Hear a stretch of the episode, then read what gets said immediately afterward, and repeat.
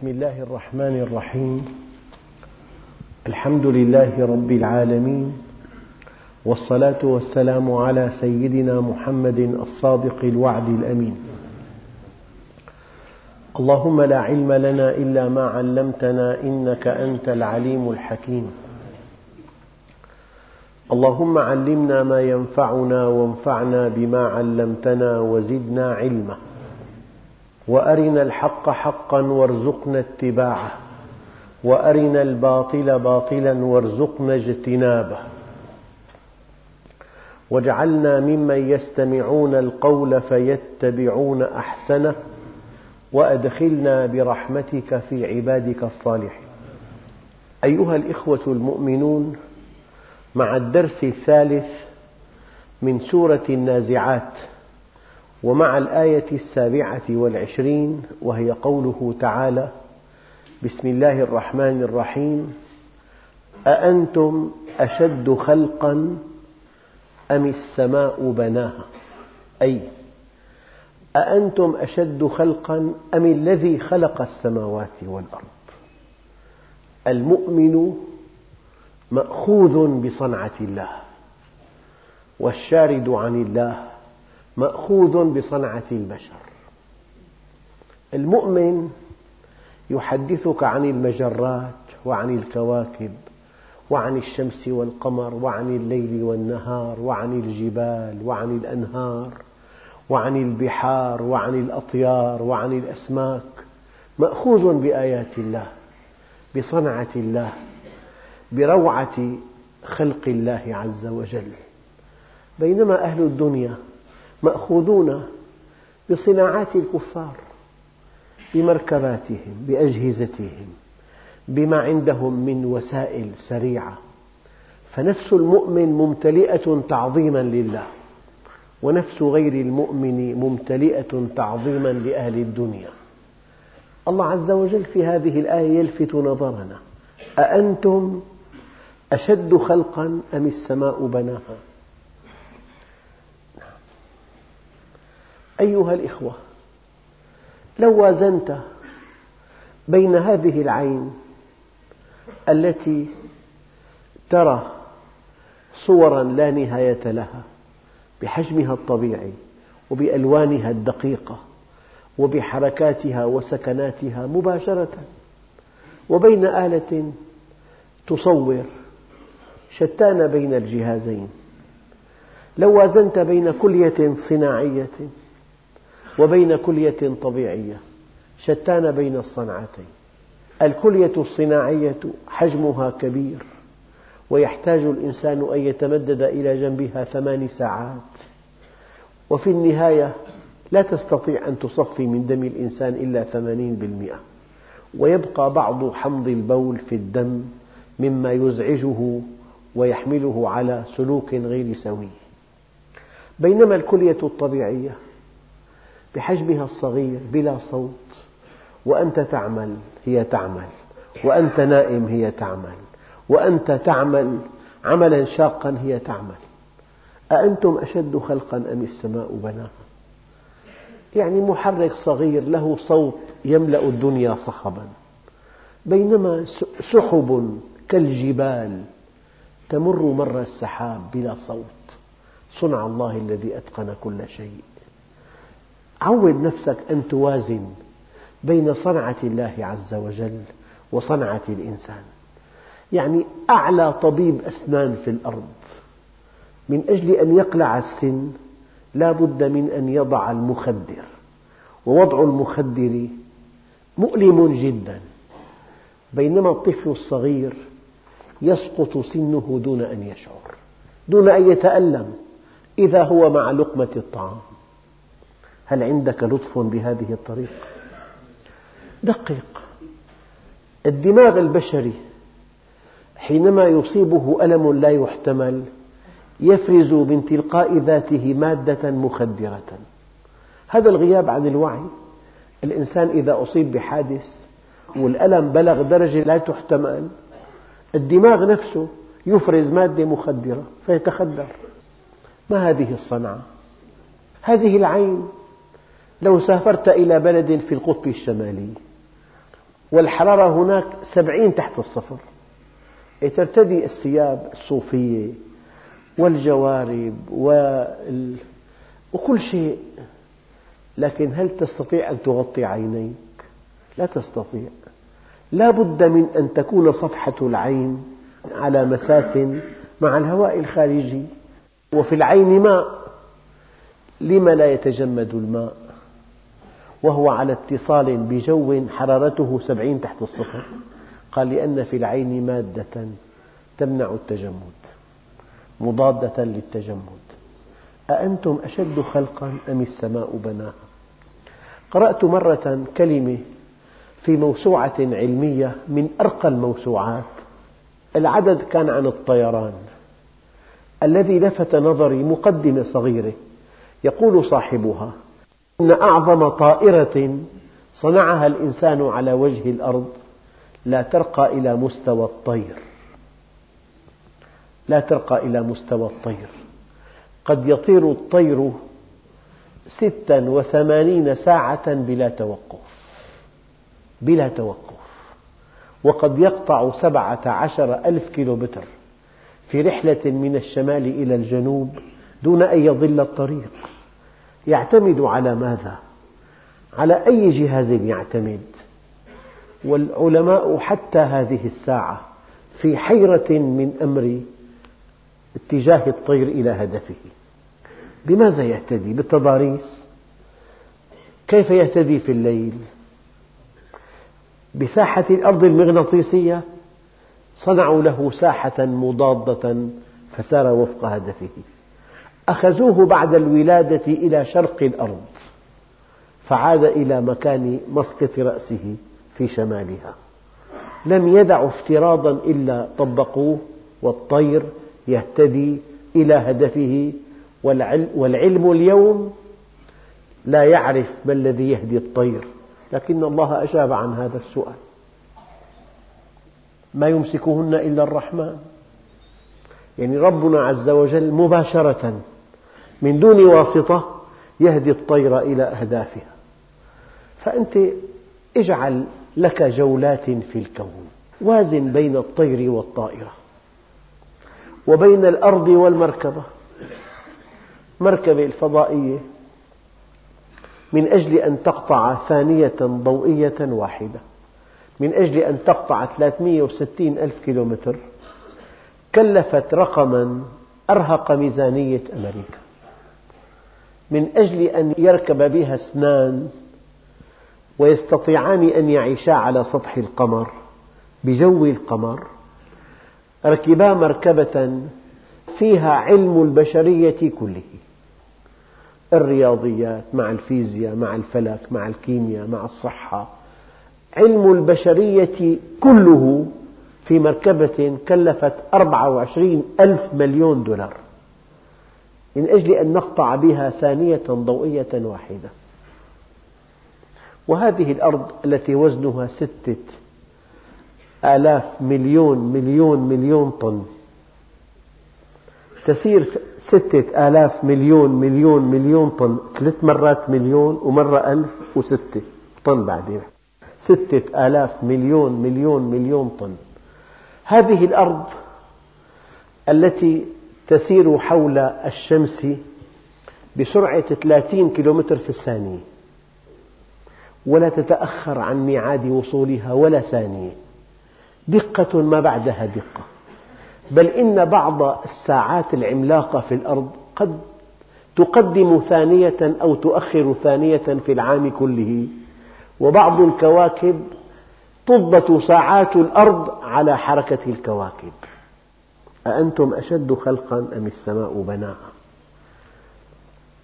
يعني بعض المجرات عشرين مليار سنة ضوئية تبعد عنا. بعض المجرات تزيد عن مجرتنا 28 مرة وتبدو نجما واحدا من بعد سحيق من بعد مليونين سنة ضوئية. أأنتم أشد خلقا أم السماء بناها؟ بناها. كون مئة ألف مليون مجرة أحدث رقم. وفي كل مجرة تقريبا بشكل متوسط مئة ألف مليون نجم. يعني مئة ألف مليون نجم ضرب مئة ألف مليون مجرة. وكل نجم له حجم وسرعة وكتلة وجاذبية وهو يسير في مسار مغلق حول نجم آخر. والمحصلة كون يتحرك بسكون مطلق. هذا التوازن الحركي. أأنتم أشد خلقا أم السماء بناها رفع سمكها فسواها. أيها الإخوة الكرام البدء حينما قال الله عز وجل أأنتم أشد خلقا؟ أم السماء بناها؟ وازن بين صنعة الله عز وجل وهو خلق الإنسان. منذ أن خلق الإنسان من عهد آدم إلى يوم القيامة أطرأ عليه تعديل. يعني لقوا وجد اليد قصيرة فزاد طولها. أطرأ عليه تعديل. انظر إلى مركبة صنعت في عام 1900 ووازن بينها وبين مركبة صنعت عام 2000 الفرق شاسع جدا. المركبة القديمة تدير محركها من خارجها. تذكرون ذلك؟ وتطلق البوق بطريقة بدائية جدا على الهواء. وتشعل مصابيحها بالكبريت في شمعات. ولعجلاتها ليس فيها هواء كتلة صلبة ومحركها له حركة واحدة. هذه مركبة صنعت عام 1900 أما التي صنعت عام 2000 فهي شيء لا يصدق. طيب ماذا تستنبط؟ أن خبرة الله قديمة لا تحتاج إلى تعديل ولا إلى تغيير ولا إلى تبديل. ولا إلى تطوير بينما خبرة الإنسان حادثة. الصنعات كلها كل سنة في تطوير في تحسين في تسريع. في شتى المجالات فأنت عود نفسك توازن بين العين وآلة التصوير وبين الأرض ومركبة الفضاء وبين الكلية والكلية الصناعية. لو دخلت إلى مستشفى لجراحة القلب لرأيت القلب الصناعي يعني بحجم كبير جدا بحجم ثلاجة كبيرة جدا. وأنابيب وأجهزة وساعات يعني شيء يحتاج إلى غرفة تقريبا هذا القلب الصناعي. فإذا الإنسان أجرى عملية قلب مفتوح يوصل دمه بالقلب الصناعي. بينما قلبك الطبيعي لا يزيد عن قبضة اليد. يعمل ثمانين عاما دون كلل أو ملل. يضخ من الدم. في عمر متوسط ما يملأ أكبر ناطحة سحاب في العالم.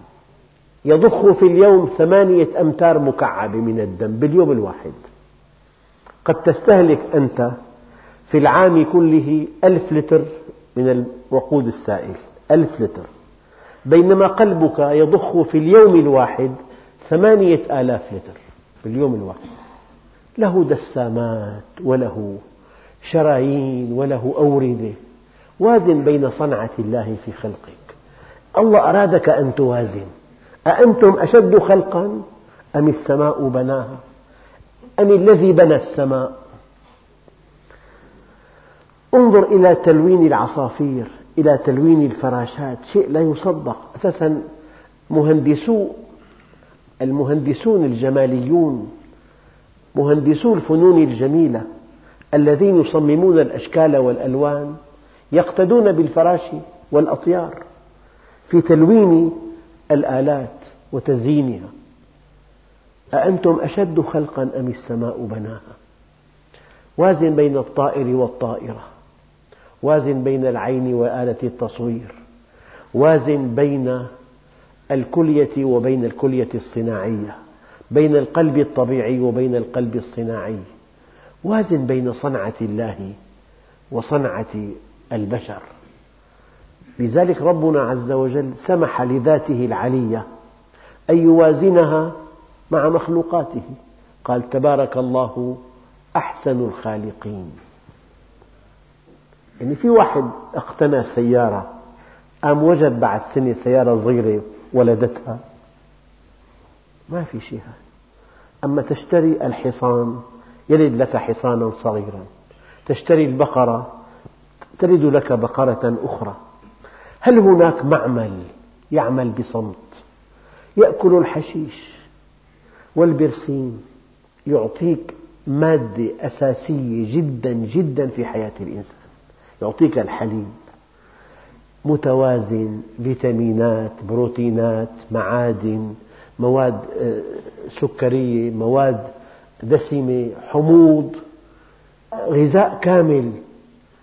انظر إلى الدجاجة. تأكل من خشاش الأرض. تعطيك بيضة فيها كل شيء. فيها ستة عشر فيتامين ومعادن وأشباه معادن. ومواد أساسية ومواد دسمة ومواد بروتينية لأن البيضة يمكن أن تصبح طيرا. إذا هي كاملة في كل شيء غذاء كامل. دقق. عود نفسك تعمل جولات بين صنعة الله وصنعة الإنسان. ربنا وازن ذاته العلية مع خلقه. قال تبارك الله أحسن الخالقين. ووازن ذاته العلية مع خلقه أيضا. قال وهو أسرع الحاسبين. الآن الكمبيوتر في معلوماتي القديمة القديمة جدا. يقرأ 450 مليون حرف في الثانية. 450 مليون حرف في الثانية. والله عز وجل قال عن ذاته وهو أسرع الحاسبين. مع أنه ما في وقت إطلاقا. ألغي الوقت. كن فيكون.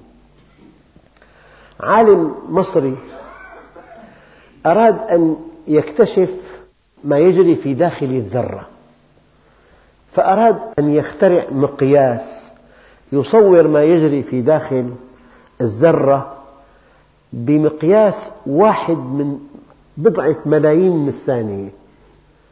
فمن أجل أن يقرأ ما يجري في ثانية يجب أن يراه في أربعين سنة.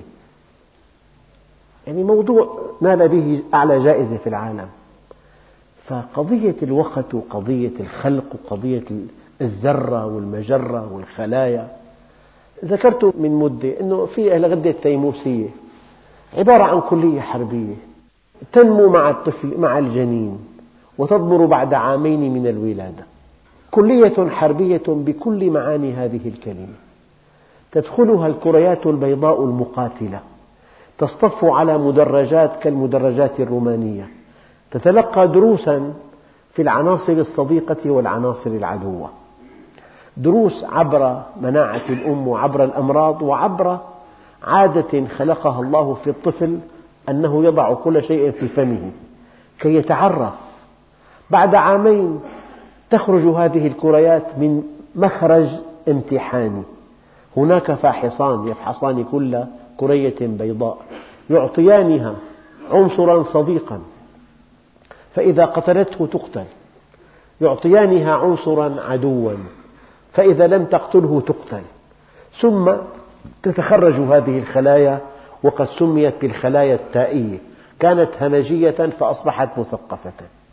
تعرف صديقا من العدو هي خلايا مقاتلة مع سلاح فتاك فلا بد من أن واحد معه مدفع ضد الطائرات. أهم شيء لهذا لصاحب هذا المدفع أن يعرف الطائرة الصديقة من العدو. هذه الكلية تضمر بعد عامين وتكلف الخلايا المثقفة أن تعلم الأجيال اللاحقة. بعد ستين عاما يضعف هذا التعليم فينشأ ما يسمى بالخرف المناعي حرب أهلية ضمن الجسم. فأكثر أمراض البشر في الستينات عبارة عن هجوم كريات الدم البيضاء التي هي في الأصل مكلفة أن تدافع عن الجسم تهاجم أعضاء الجسم ومفاصله وأماكنه الحساسة. طيب هذه الكلية الحربية من صممها؟ أأنتم أشد خلقا أم السماء بناها؟ عود نفسك أن توازن بين صنعة الله عز وجل وبين صنعة البشر. وازن بين وردة من البلاستيك وبين وردة طبيعية. وازن بين شراب كيماوي مصنوع يضر أجسامنا وبين شراب طبيعي ينفع أجسامنا. أأنتم أشد خلقا أم السماء بناها يعني أي تعديل يطرأ على خلق الله عز وجل نحو الأسوأ الاستنساخ مثلا. ما الاستنساخ؟ محاولة توليد جنين لا من من نطفة وبويضة بل من نطفة أو من بويض فقط. قال تعالى إنا خلقنا الإنسان من نطفة أمشاج نبتليه. فنشأت مضاعفات ونشأ هرم مبكر جدا ونشأ أمراض لأن الإنسان أراد أن يطور صنعة الله عز وجل فإذا طورها فنحو الأسوأ نحو الأسوأ. يعني أكثر ما يعانيه البشر الآن من من تغيير خلق الله. نكافح أمراض النبات بالمواد الكيميائية فإذا بالتربة تتملح وإذا بأمراض النبات تستشري. الآن عادوا إلى المكافحة الحيوية. نسمد الأرض بأسمدة كيماوية. فإذا هناك أمراض للنبات كثيرة عادوا إلى السماد الطبيعي. عود نفسك من خلال هذه الآية أن توازن بين صنعة الله عز وجل وصنعة الإنسان. صنعة الإنسان تنقصها الخبرة بل إن خبرة الإنسان خبرة حادثة متنامية لكن خبرة الله عز وجل خبرة قديمة. قال تعالى ولا ينبئك مثل خبير. والبشرية اليوم كلما تاهت وكلما انحرفت وكلما ضلت سواء السبيل ترجع مقهورة إلى أصل الدين. هناك جامعات في بعض البلاد المنحلة عادت إلى فصل الذكور عن الإناث لأنه في أعداد مخيفة من الأجنة توضع في أطراف الحدائق. عادوا إلى فصل الذكور عن الإناث في بلد من بلاد الشرق الكبيرة حرمت الخمر لأسباب صحية فقط. قبل أن ينهار هذا البلد حرم الخمر تحريما كليا. يعني كلما تقدم العلم اكتشف أن أكمل حالة هي التي شرعها الله عز وجل.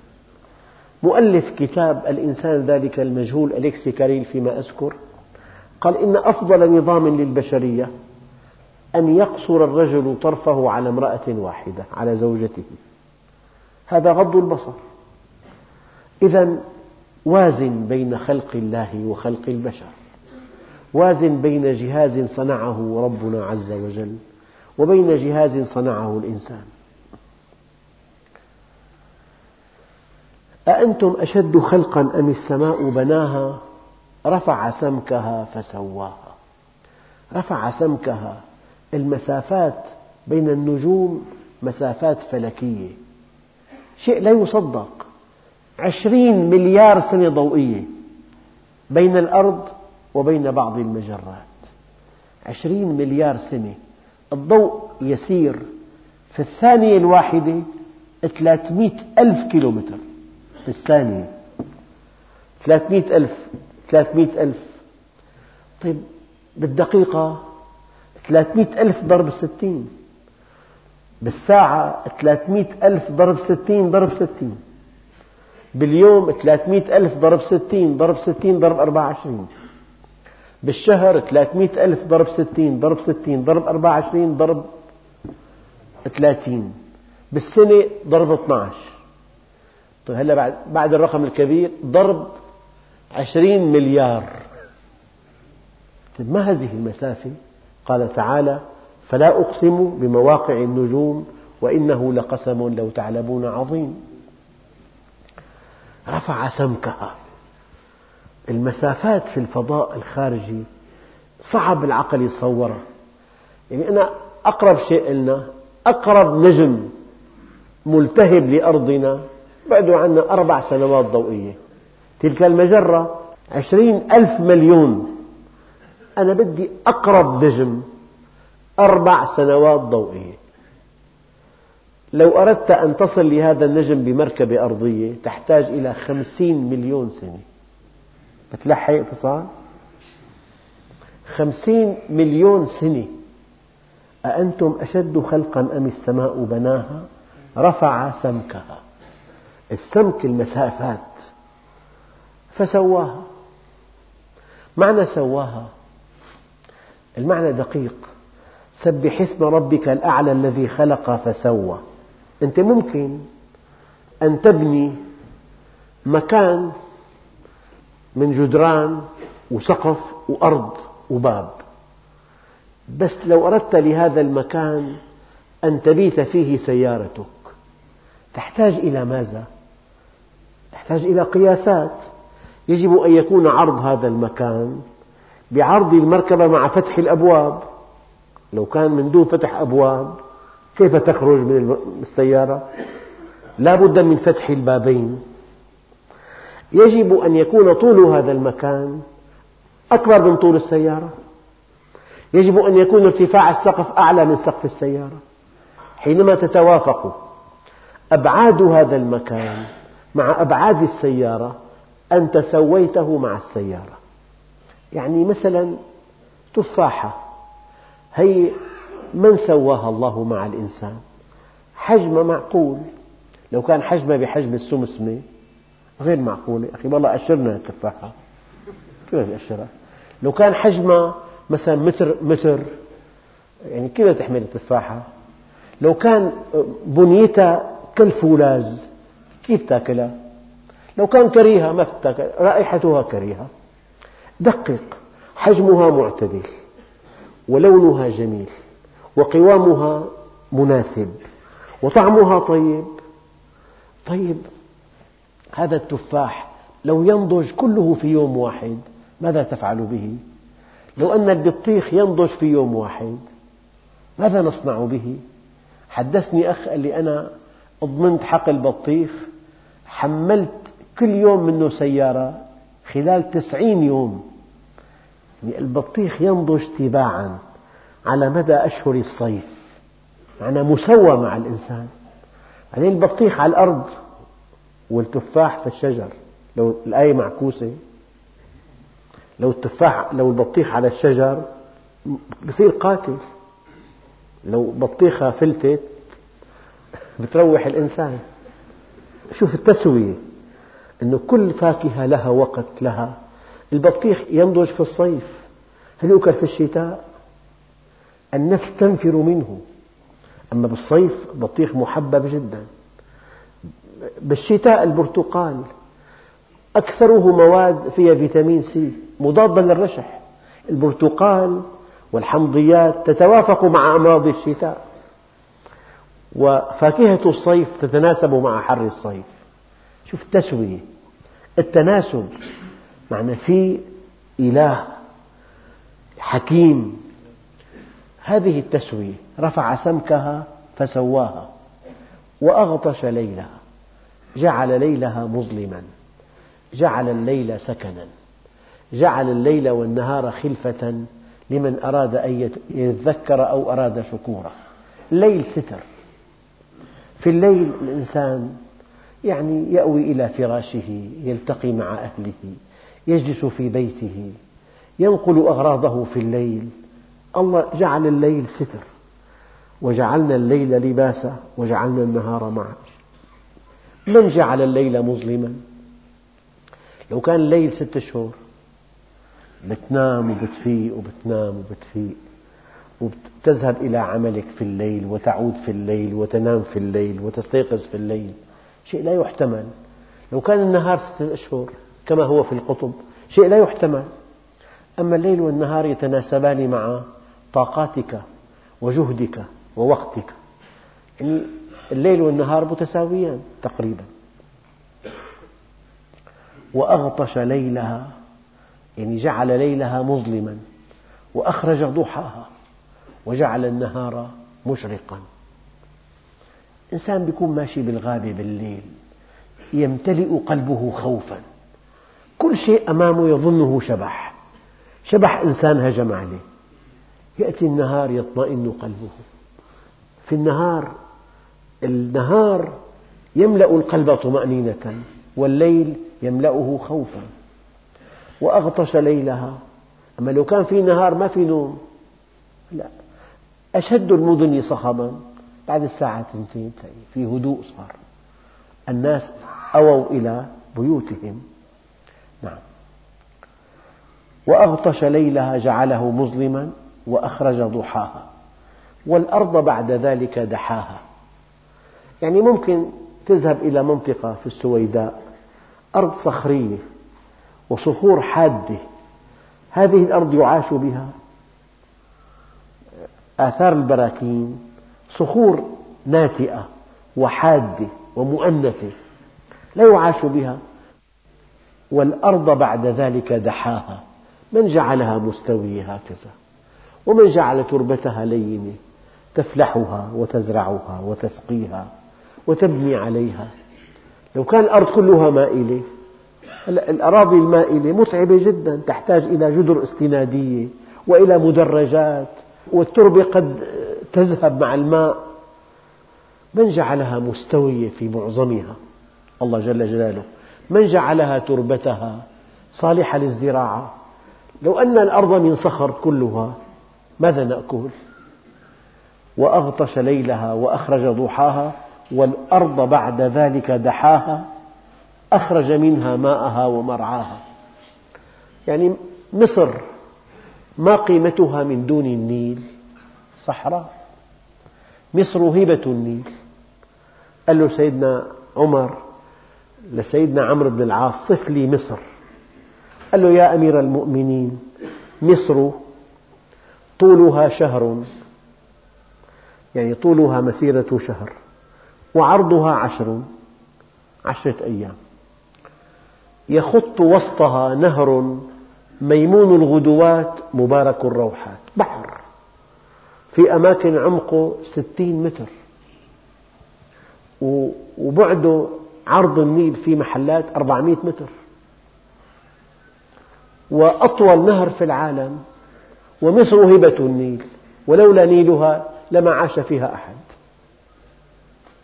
فبينما هي يا أمير المؤمنين عنبرة سوداء في الشتاء. التربة داكنة. إذا هي درة بيضاء هي بالطوفان النيل. ثم هي زبرجدة خضراء. فتبارك الله الفعال لما يشاء. ما قيمة دمشق من دون بردة ونبع الفيجة؟ من يسكنها؟ ما قيمة الزبدان من دون ينابيعها؟ ما قيمة بلادنا من دون أنهارها؟ موت.